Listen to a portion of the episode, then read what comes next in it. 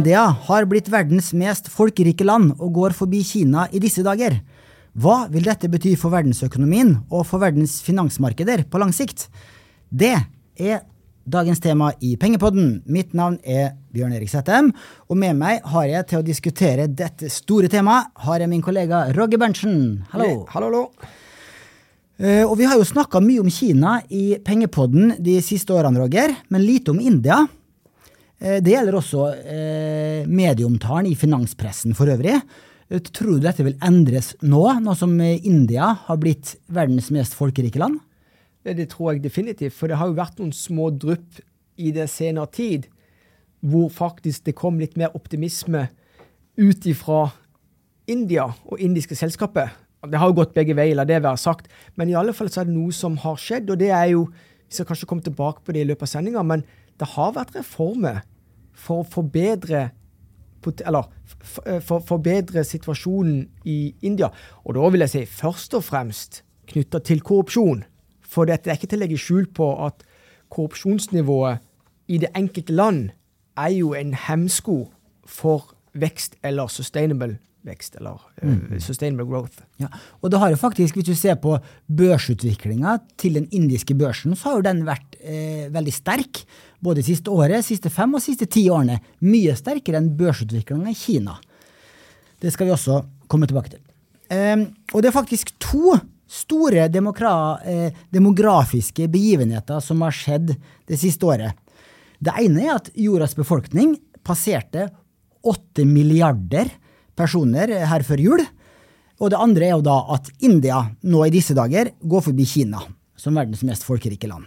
Det er veldig spennende, og det er også verdt å merke seg at det er veldig stor eh, forskjell i eh, befolkningssammensetninga i India og Kina. For eh, i Kina så ble befolkningstoppen eh, passert i fjor, i 2022. Og eh, nå fremover så vil befolkninga i Kina eh, falle, fordi det er såpass eh, mange gamle kinesere. De har en stor andel eh, godt voksne og eldre, og så er det eh, få fødsler per innbygger. Mens i India så vil befolkninga vokse videre. Eh, og faktisk halvparten av den 1,4 eh, milliardene i India er under 25 år. Og det er en styrke. Det er en styrke. Absolutt. Eh, og det kommer ti millioner nye indere inn i arbeidsdyktig alder hvert år. Og det blir jo en utfordring for landet å skaffe disse ti millionene nye hvert år. Jobber. Definitivt. Det blir jo nesten som at du må jo Altså Til syvende og sist er det jo arbeid som genererer mer arbeid, men eh, for å få det til, så er jo nøkkelen her hvordan utdanningssystemet er, og selvfølgelig hvordan du kan tiltrekke deg jobbe. Én ting er å tiltrekke seg, altså jobbe innenlands, men kanskje name of the game blir litt som hvordan Kina vokser på. Du må tiltrekke deg utenlandske bedrifter som investerer i ditt land, som skaper disse jobbene, så du må bygge en symbiose. Og det er jo det i utgangspunktet fra mitt ståsted så er det jo det som har vært nøkkelen for, for Kinas fremvekst. altså Hvor de har klart faktisk å, å gå hånd i hånd med utenlandske selskaper og, og uh, ta det neste steget. Men vi får se om India klarer det samme. Mm, mm. Eh, nå I første halvdel skal vi snakke litt om eh, forskjeller på India og Kina når det gjelder eh, demografi, styresett, næringsstruktur og lignende. Og i andre del skal vi snakke om utviklinga i aksjemarkedene i de to landene, og hva vi tror kan, kan spilles ut fremover. Eh, vi har allerede vært en del inne på demografien, og med en så stor befolkning og, og voksende befolkning, så kommer det jo øh, utfordringer. Og fordi de to landene er veldig forskjellige øh, India er jo et demokrati. Folkene kan eh, si hva de vil. Det er ytringsfrihet. Kina er det jo en eh, ettpartistat, kommunistisk styre. Hvis du sier noe gærent der, så blir du jo eh, bura inne. det har jo sine fordeler også. Hvis, inn, eh, hvis kineserne skal bygge en ny mm, motorvei, så gjør de det bare. Da bare eh, eh, tvangsflytter de de folkene som eh, bor der motorveien skal bygges, og så blir den motorveien eh, bygga kjempeeffektivt. Sånn er det ikke i India. Nei. Og så til syvende og sist, alle måter å drive både en business på og et land på eh, Det er jo en dynamisk prosess. Ting endrer seg hele tida, og det er jo klart at befolknings... Altså antall innbyggere dikterer jo òg ulike utfall. Så det blir jo spennende å se hvordan eh, India klarer egentlig å, å manøvrere denne enorme eh, befolkningen eh, i årene som kommer. Mhm. Eh, Og i India, hvis du ser på en sektorsammensetning av deres, i hvert fall hvis du ser på eh, eh, MSCI sin India-indeks, så er det finansbransjen som er den største sektoren i landet, i hvert fall blant de børsnoterte selskapene, med 20-26% Og så er det teknologi nest størst, med 14% Energi med eh, 12 og eh, Eh, consumer discretionary med 10% Consumer staples med 10 mm, Materials 9 eh, Helse på knappe 5% Communication services veldig lav på 3% og real estate på 0,6 Ja, og da har jeg lyst til å framtrekke, altså til syvende og sist, altså den finanssektoren er jo en nødvendighet, for det er jo bærebjelken i enhver økonomi. Eh, og det India har fått til i det siste, altså den digitaliseringa som vi har vært vitne til her de siste tiårene, den er i ferd med å og Det blir sånn i India òg. Sånn at det er veldig viktig at eh, finanssektoren egentlig tar de riktige stegene, og at transaksjoner eh, mellom parter skjer elektronisk. Og da har jeg jo selvfølgelig nødt, som jeg alltid gjør, eh, å komme inn på hva gjør Buffett i India, eller hva gjør Berkshire Hathaway i India. Nestkommanderende i Berkshire-systemet, han er indi, er fra India. Men det har ikke gjort at Buffett og de har investert tungt i det. Men de har begynt så vidt å investere de siste årene i India. Og da har de investert i nettopp finanssektoren og det vi går på eh, digital payments. Så, så jeg tror det er litt viktig å se at den sektoren er stor, og den utvikler seg, eh, for at du skal liksom skape minst mulig friksjon mens, eh, mens varer og tjenester eh, eh, bytter, bytte hender, da. Eh, sant? Og jeg har vært så heldig å vært i begge de landene her. Det er riktignok noen år siden nå. Jeg var i Kina i 2008, og jeg var i India i 2000. Og jeg har en god kompis som jeg snakka med nå rett før sending, som har bodd i eh, Beijing i en del år og har jobba i et indisk selskap. Og jeg spurte han hva han, hvis han skulle beskrive de viktigste forskjellene og likhetene, så sa han jo at det er jo veldig eh, stor forskjell på de landene. India er jo et mye fattigere land, det skal vi også snakke litt om. Eh, BNP per innbygger er jo mye lavere i India enn i Kina. Eh, men han sier at begge landene, eh, de han har jobba med av kinesere og av indere, er veldig pliktoppfyllende, dyktige, arbeidsomme folk som eh, står på, gjerne sover på jobb. Sant, ja? Det var ikke uvanlig verken i eh, Kina eller India når han jobba der. Og de har et, et uh, godt skolesystem. Det er blant verdens flinkeste folk. Det er jo i indere, gjerne. Masse, så, sånn som du sier, i uh, Berkshire. Det er jo flere indiske konsern, konsernsjefer i USA. Eh, Kina har også en del store selskaper. Så eh, det, de er i hvert fall veldig arbeidsomme. Det betyr at de har det i seg. altså I, i ryggmagen så har de evne til å jobbe mye og hardt eh, for å ta neste steget.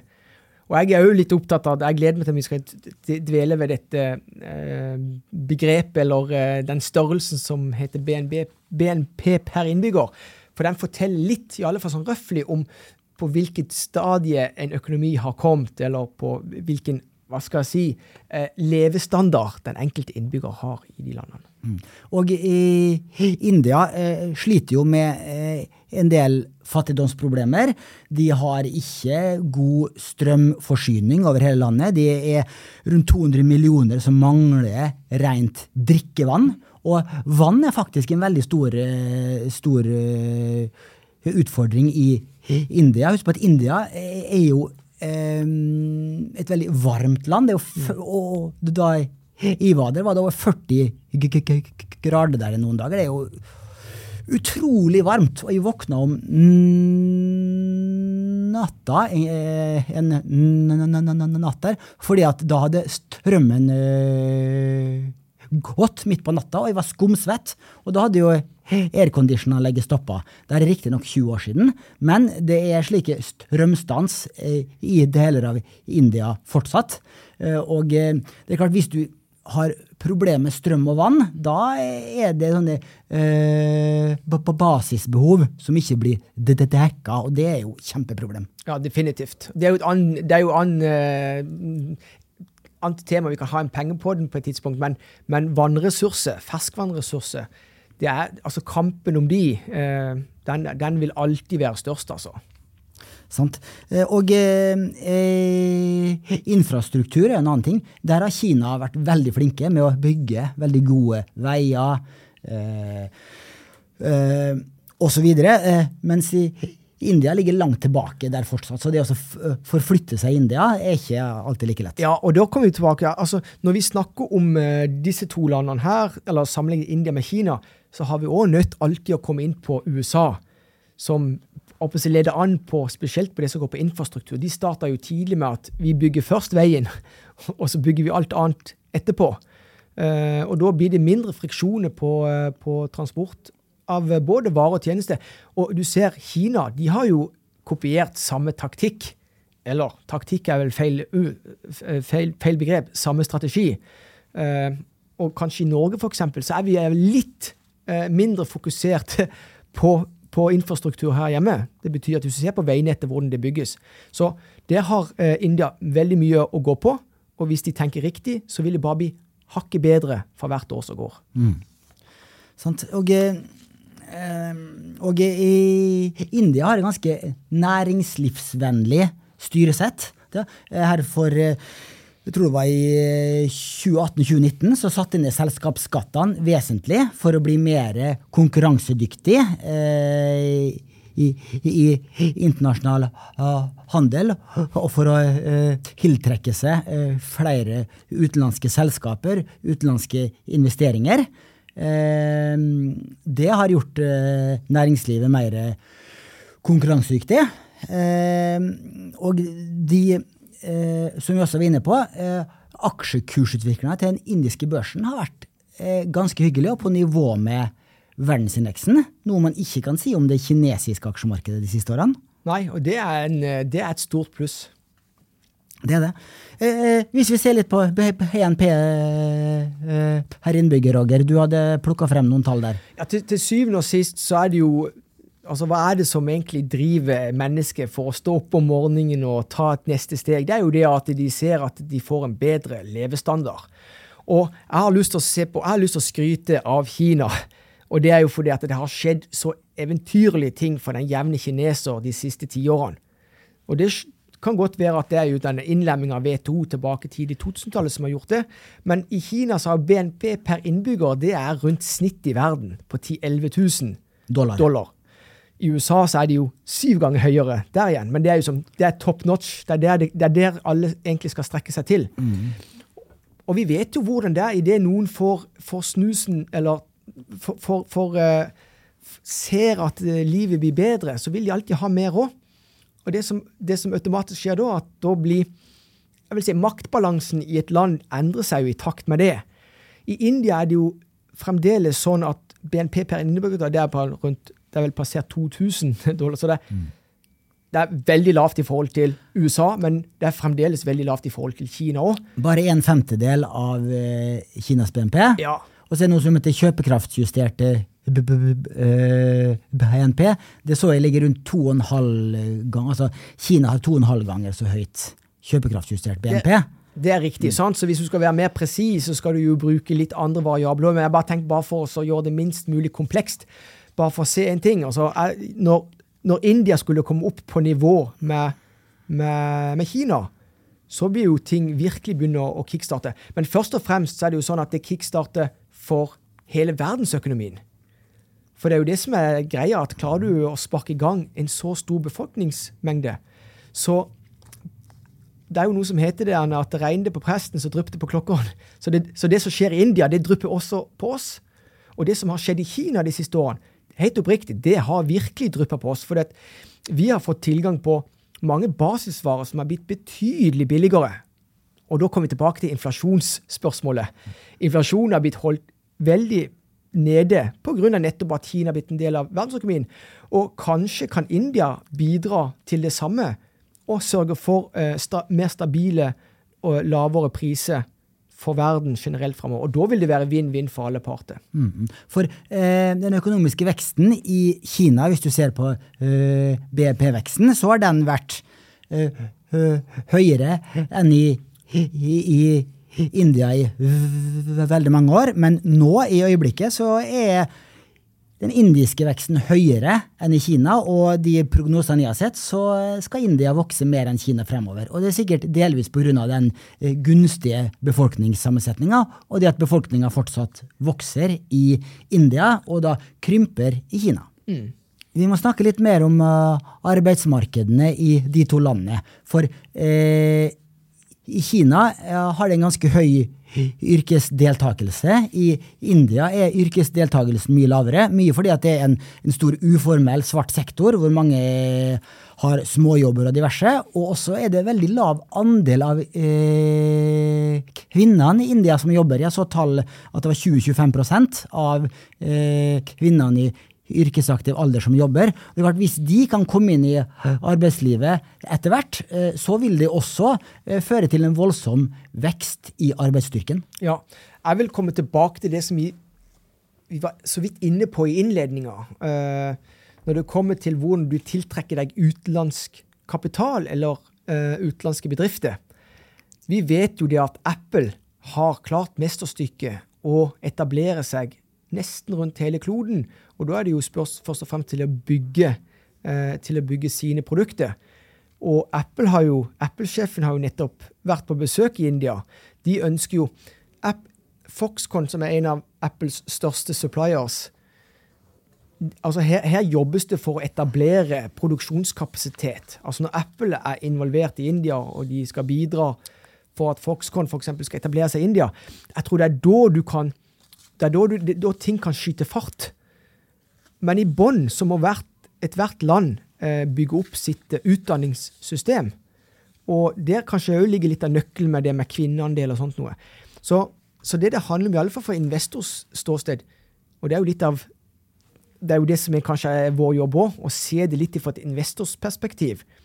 Eh, for et investorsperspektiv så er du avhengig av at det er en altså sustainable growth, og at det er faktisk verdier som òg tilfaller eieren av bedriftene. Eh, men da må, da må, du være samling i bånd. Du må ta med hele, alle ledd i samfunnet. Og da er utdanning helt essensielt. Eh, eh, selskapet med skyhøy integritet, og da er spørsmålet er, er Apple et sånt et selskap. De fleste vil vel si, si, si at de er det. Eh, så det er en del, det er en del elementer der som faktisk som er, det viser at det er noe på gang, rett og slett. Og, og, det er eh, reformer, altså politiske reformer, det, det, er ting på gang som gjør at vi forhåpentligvis vil se at uh, levestandarden og, og, stadig flere eh, blir med på denne, denne reisen som, som, som, India skal gå framover. Ja. ja. for de har definitivt mye store utfordringer. Og det å være flinke da, av politikere som, som, er sterke nok til å gjennomføre reformer for å få bukt med svart arbeid, for å få mer av arbeidsstyrken inn i det formelle arbeidsmarkedet, hvor de betaler skatter, hvor de har sine rettigheter osv. er kjempeviktig. Det ble gjennomført en eh, sånn reform mot svart arbeid eh, for noen år siden, hvor de tok bort de, eh, de største hengesedlene, for de var involvert i mye svart arbeid. Da ble det jo gedigne køer utenfor indiske banker, for da måtte inderne veksle inn disse pengesedlene som ikke skulle brukes lenger, f.eks. Mm. Så eh, hvis de fortsetter der, og eh, også, de har veldig sterkt stillingsvern i India, og det kan høres fint ut, men det er nesten umulig å sparke og si opp folk i India. Og da er det jo mange bedrifter som kvier seg for å ansette nye folk. Og det er jo også en sånn en, eh, en, et problem hvis India skal vokse mye fremover og eh, da komme opp på samme eh, velstandsnivå som eh, Kina i første omgang. Helt klart. Så dette, du må ta steg for steg, men, men du blir ikke Altså et system eller en bedrift eller en enkeltindivid blir jo ikke bedre enn sitt, sitt svakeste punkt. India har oppriktig slitt med høyt korrupsjonsnivå. Så er spørsmålet klarer de hele tida å bygge disse institusjonene, altså rettsvernet, eh, sterkere, sånn at de blir kvitt bukt med, med korrupsjons, eh, det korrupsjonsnivået som er der. Eh, og da eh, vil jeg si at det er ingen grense for eh, hva India kan oppnå på det glo eh, globale plan. Og så er det jo naturlig, det er jo naturlig for oss å nevne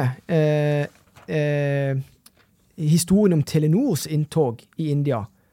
Det endte jo jeg, jeg, vet ikke om det var 30 milliarder som forsvant til slutt. De gikk i null i, uh, i India.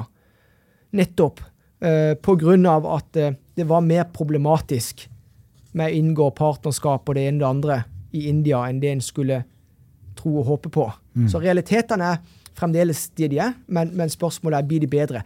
Jeg har vanskelig for å se at ikke de blir bedre når selskaper som Apple uh, investerer i India.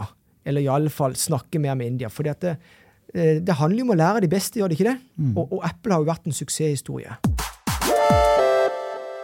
Da skal vi se litt mer på finansmarkedene og hvordan eh, utviklinga har vært. Eh, for som vi har vært inne på, hvis du har sittet med et, et, aksjefond eller en ETF som har investert i indiske selskaper, så har du gjort det ganske bra. De har eh, eh, De siste tre årene så har du hatt eh, rundt 20% analysert avkastning, hvis du ser på da MSC i sin India-indeks, som dekker mesteparten av det indiske aksjemarkedet. siste fem år rundt 11% siste ti år rundt 12% Dette er fullt på nivå med verdensindeksen. Dette er jo avkastning i amerikanske dollar. Hvis du har sittet mm, som en norsk sparer, så har du fått enda høyere avkastning, fordi at eh, krona har jo svekka seg. Det er vesentlig mer enn emerging markets, som India er en del av. Eh, emerging markets har, som mange vet, gjort det veldig dårlig de siste årene. Både på femårs sikt og tiårs sikt så har du fått ganske svak avkastning i emerging markets. Og hvis vi ser på inndelinga i emerging markets, så er det jo Kina som er størst. Eh, hvis, hvis, du kjøper da f.eks. Nordnett indeksfond Emerging Markets, som følger den MSCI sin Emerging Markets Index, da får du rundt 31% Kina. Så får du 15% Taiwan, og så får du 14% India. Og 12 Sør-Korea. Du får 5% Brasil, og så er det 23 andre land. Typisk Sør-Amerika, eh, Øst-Europa. Så eh, og, og, da har jo den emerging markets-avkastninga blitt dratt ned av Kina nå i mange år. Eh, men da India har vært en av landene som har gitt meravkastning, da. Eh, er du litt overraska over at Inde har gjort det så bra, egentlig, Roger? Eh, altså Hvis du går i dybden, altså sånn, sånn, sånn umiddelbart, så er, vil jeg tippe at de fleste er overraska. Men hvis du går i dybden, som vi prøver å, å gjøre her, Eh, hvor er det India kom ifra? Og, og, de begynner å ha fått fart på ting. Og du vet jo hvordan det er. Altså, eh, altså investormarkedet det er, jo, det, er jo, det er jo fremoverlent, så en ser i framtida. Så, så, det prises jo kanskje inn at ting går i riktig retning i, uh, i India. At du får en helt annen verdsettelse på de f.eks. selskapene som, som inngår i de ulike indeksene. Men i alle fall, hvis du ser på det som har skjedd i Kina de siste, spesielt de siste to-tre årene, så har det vært en enorm eh, reguleringsjag. Spesielt på, på teknologi. Som, som, gjør rett og slett at staten basically, de tar over verdiene eh, til, til, private. Og det, det, er jo en uting. Men nok en gang så uh, er det jo viktig å forstå hva slags styresett det er i det enkelte land, og hvordan hvordan jeg vil si, de interne forholdene endrer seg over tid. Jeg har bare lyst til å påpeke det, bare for å trekke tråden litt tettere uh, inn mot det vi sa med BNP per innbygger, at Kina har kommet opp til snitt i, til, til, til snitt i verden. Vi, for de som husker tilbake, var det, det november-desember i fjor, så ble det store demonstrasjoner faktisk i, i, i viktige byer i Kina mot disse her strenge covid-19-reglene. Og hvem skulle trodd at kinesiske myndigheter de ga etter og starta denne gjenåpningsprosessen? Så jeg tror det er et tegn i tiden. jeg. Mm. Så Derfor så er jeg, jeg er jo litt mer optimistisk på vegne av Kina going forward enn mange andre. For det at eh, kanskje nå så har uh, den jevne innbygger fått litt mer makt. Uh, og at det vil endre det politiske klimaet over tid, vil jeg merke. Mm. Mens for India sin del så tror jeg bare de, de kommer fra sånn et lavt nivå. Og de har tydeligvis, uh, for manges ståsted, gått i riktig retning. Og da har verdier blitt synliggjort. Så, så jeg håper og tror Så svaret på ditt ja, ja, men Nei, mm. er svaret mitt. Så jeg håper og tror at det fortsetter i, i samme retning. Mm. Det er også interessant å se at det er veldig liten sammenheng mellom økonomisk vekst i et land og børsutviklinga i landet. Dette diskuterte jeg med Fredrik Bjelland, eh, forvalter i Skagen Kon-Tiki. Og han var veldig åpen på det, at det er veldig liten eh, sammenheng. Sånn at eh, Emerging Markets-indeksen har jo da hatt eh, svak utvikling siden finanskrisen, altså de siste 15 årene. Mens det er jo vekstmarkedene det ligger i eh, navnet. Vekstmarkeder. De vokser mye mer enn den vestlige verden. Så de har jo hatt en vekst på 5-6-7% disse vekstmarkedene. Men aksjekursutviklinga i de landene har vært svak. Og da kanskje det er bare halvparten av det du har fått hvis du har sittet i, i et globalt aksjefond. Og eh, eh, det vil si at eh, den, det er mye av verdiene og verdiskapninga som forsvinner på veien til aksjonærene. Ja. Så det er, sånn, det er, inflasjon i alle ledd. Det, det forsvinner noe usynlig. Ja, det forsvinner noe usynlig, og litt forsvinner i korrupsjon. Mm. Litt forsvinner i dårlige, eh, dårlige styringssystemer, mm. nasjonalisering av selskaper, vingeklipping av selskaper, mm. sånn som vi har sett i Kina, mm. at eh, teknologiselskapene plutselig får veldig strenge reguleringer, og så ødelegger du eh, selskapsverdier. Mm. Eh, vi har jo et eksempel her, her eh, i Norge også, med, med den grunnrenteskatten på laksenæringa, hvor det er en konfiskering av verdier, nærmest. Ja. Sånne ting skal ikke skje i vestlige utvikla land. Uh, sånne ting kan du regne med skjer i et uh, vekstmarkedsland. Nettopp. altså Det betyr at da forventer du det, og da blir du ikke overraska. Eh, og det er jo forskjellen til, til, USA. Det er ikke uten grunn at de fleste børsverdier er forankra i USA. og det er fordi at de har jo ekstremt robuste institusjoner. Ellers så har jeg bare lyst til å nevne, for det, meg, meg og deg, Bjørn Erik, vi, vi har faktisk ja, vi, er, vi, er, jo ikke gamle, men vi er, vi er kommet over kneika. Så vi husker jo litt av det som har skjedd. Det, det er, og da vil jeg trekke tilbake til denne Jeg tror det var en svensk næringsminister som kom med en krass uttalelse til Norge. De, de, skulle prøve å, Jeg lurer på om Telia Telenor som skulle prøves å fusjoneres. Mm. Og da tror jeg han ja, jeg, jeg, jeg, jeg, tror det var sånn at han kalte Norge den siste sovjetstat. Ja, gjorde han ikke det? Jo, jeg gjorde det. Og da, da, da, kan du skjønne hvordan eh, forhandlingene har, eh, har, eh, har, pågått. Men nok en gang, så vi vil jo Du vet at i min verden, altså Buffett, han skryter alltid veldig av USA og institusjonene i USA. Så han, han vedder aldri mot USA. I alle fall når det kommer til, til det du skal verdiskapning. Hvem skal den tilfalle? Det må, gå, det må gå, hånd Altså, alle må tas med, men, men du kan ikke frarøve verdier til de som eh, den private kapitalen som er med på oss å, å, å løfte en nasjon. Sant. Eh, så det må du være klar over, eh, kjære lytter, når du investerer i vekstmarkeder. Enten om det er et uh, Emerging Markets Index-fond eller et uh, spesifikt Kina-fond eller mm. India-fond er at der har du større risiko, større politisk risiko, dårligere selskapsstyring, mer korrupsjon, og det kan komme slike skruballer inn fra sida som du ikke har forventa. Ja, og da kan du gjøre, er du i tvil, gjør som Charlie Munger. Han blir straks 100 eh, år. Han sier det er ikke så komplisert. Bare senk forventningene dine til alt og alle, så blir du aldri overraska. Sant. Og eh, vi skal snakke litt om hvordan du kan få eksponering mot det indiske aksjemarkedet hvis du, hvis du eh, er interessert i det og vil da investere litt i verdens mest folkerike land. Eh, for hvis du eier et globalt indeksfond, om det er Nordnett eh, indeksfond Global ESG, DNB, global indeks, eller HLP sitt global indeksfond, da, da, får du ikke noe i vekstmarkedet der. For det er bare developed markets. Så da må du kjøpe et all countries-fond fra Storbrann eller HLP. De har det, det breie globale indeksfondet. Det er steg én. Kjøp et bredt globalt indeksfond hvis du vil ha med Kina og India. Eller du kan kjøpe et uh, Emerging Markets-fond fra Nordnett, DNB, KLP, Storebrand, uh, Nordea. Og, da vil du da få rundt en tredjedel Kina, du vil få 14 India, i hvert fall hvis det er et indeksfond. eller du kan gå helt ned på landfond. Og jeg gjorde et søk på Nordnett-plattformen, på aksjefondsscreeneren. Vi har vel rundt 900 aksjefond. Og hvis jeg søkte på i India der, så fikk jeg 14 eh, treff blant indiske aksjefond. Og DNB har et indisk aksjefond, eh, Nordea har et, og Hanske Invest har. Ellers er det utenlandske forvaltere.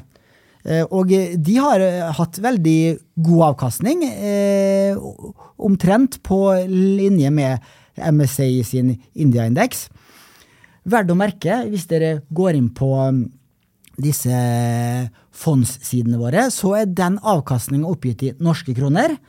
Mens hvis du går inn på ETF-screeneren vår, og da søker på India på ETF-er, altså børsnoterte fond som kan handles på børsen fra sekund til sekund, der er avkastninga oppgitt i lokal valuta, altså som er euro eller dollar.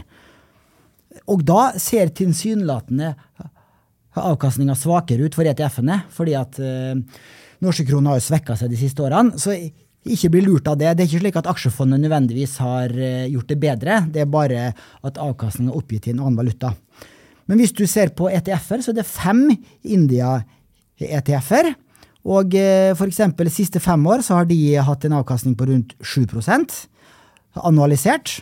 Og det er jo da om lag på nivå med den uh, Indeksen for ETF-er er jo som regel eh, indeksprodukter. De følger en indeks slavisk. Mens aksjefondene, eh, fem års analysert avkastning, ligger fra 7 og opp til eh, 12% Og den forskjellen på uh, 7 og 12 er jo kronesvekkelsen. Nettopp. Så, så, du har egentlig ganske mange alternativer hvis du vil eh, eh, bruke en liten andel av eh, investeringene dine på et India-fond. Og der er jo regnet som krydder i en bred portefølje. Du skal ikke satse alle pensjonspengene dine på et India-fond. Nei. Uh, og det som jeg, jeg har bare lyst til, Det er to ting jeg har lyst til å for mitt vedkommende avslutte med. Det ene er jo det at vil jo bare fremheve hvilken verd, altså utvikling altså verdiskapning har vært i verdensøkonomien historisk. Og uansett hva slags styresett du har her eller der, av en eller annen grunn, gry, eh, eh, på en eller annen grunn så tyter du som denne verdiskapninga rundt. Kineserne reiser rundt, ikke vel? Så det kommer, de tilfaller på et eller annet vis, så tilfaller det vestlige bedrifter uansett. Eh, så det skal en òg huske på. Så, så, så, ha fokus på, som investor så mener jeg at det er viktig å ha fokus på verden som, som helhet. Om at uh, så lenge verdensøkonomien utvikler seg som den har gjort historisk, så vil jo verdiskapning òg komme og falle investorene øh, øh, ende opp hos, hos investoren. Og så har jeg jo lyst til å kommentere litt på India hva angår språk. Som, som, og det tror jeg ikke vi har vært innom til nå. og det er jo at i Kina så er det jo En av Kinas store styrker er det at det er 1, hva sa du, 1,3-1,4 mm. milliarder innbyggere. Men der kan veldig mange av de kommunisere med hverandre på ett språk. Det er ikke tilfellet i India, hvor det over, jeg, tror det er over 20 språk. Det er, det er, jeg tror det er, er det 20 000 dialekter. Eh, men det er jo sånn at eh, hovedspråket i India er vel hindi, og der er det jeg vet ikke om det er rundt en halv milliard som, som snakker det. Og så har de vært flinke på å tilegne seg engelsk. Så engelsk er vel next in line ja. som språk i India. Og det er en styrke. Men så vil jo jeg eh, eh, fremheve den utviklingen som i kunstig, altså den kunstig intelligent utvikling, altså hvor språkbarriere framover, de brytes. Sånn at det er ikke like stor issue framover for å kunne deale over landegrenser. Deale hvor det egentlig før var språkbarriere. Så, så jeg har alltid fremheva, eller jeg har jo prøvd å antyde det, bare det lille jeg kan eh, med, om kunstig intelligens, og sett på hva, hva slags potensial som ligger, de, li, ligger der, basert på egen altså opplevelse, eh, så, så, er det enormt. Det er enormt, altså. Mm. Så det er, det, er, det er, barrierebrytende, og ikke minst på språk. Og det vil jo komme land som India eh, til gode, tror jeg, da. Mm. Det skal bli spennende å se om India blir det neste Kina. Eh, Kina har jo vært verdens fabrikk, verdens motor i verdensøkonomien i veldig mange år. Nå sakker de litt på farta. Og hvis India kan ta over den ledertrøya der Nå blir ikke India neppe verdens fabrikk, for de har satsa mye på service og tjenesteyting. Det er jo veldig eh, langt fremme på IT, som vi vet. Verdens uh, callsenter ligger jo i, i, India, f.eks. Men jeg vil håpe for verdensøkonomiens del at India kan være med og dra en større del av lasset ja. de neste 10-20-30 årene. Og du har nøkkelen. Finanssektoren er nøkkelen. Eh, at mer og mer går elektronisk. Og så er det jo connectivity, altså at folk får tilgang på internett, ikke vel? Eh, så er, er, helt essensielt. Og ikke minst eh, selvfølgelig utdanning. Altså alle må, alle må med. Og da vil jeg spørre deg, hva tror du om India, hvis vi ser 20-30-40 år fram i tid? Blir det det nye Kina, eller ikke, hvis du blir tvunget til å svare? Eh, da vil jeg si eh, jeg håper virkelig det for Indias store befolkning, at de blir løfta opp i middelklassen så mange som mulig. Og de er i hvert fall veldig eh, arbeidsomme ut ifra det jeg har erfart. Og de har store muligheter med den unge befolkninga si, men jeg ser med skrekk og gru på disse miljø- og klimautfordringene de har, både med vann- og luftforurensning, for det er et kjempeproblem for India, som der hvor det er et så veldig varmt land. Tenk å, å jobbe i et land hvor de store deler av året er 40 grader pluss. Ja, definitivt. Så klimaet er ikke ja, nødvendigvis skreddersydd for Men det blir spennende å se. Vi tror i alle fall det vi har sett, det går i riktig retning, selv om det kommer fra et, et gitt nivå. Så vi, vi, vi er optimister, Roger, som alltid. Det er vi. Ja. Så bra. Tusen takk til alle som hørte på. Så høres vi igjen om en uke.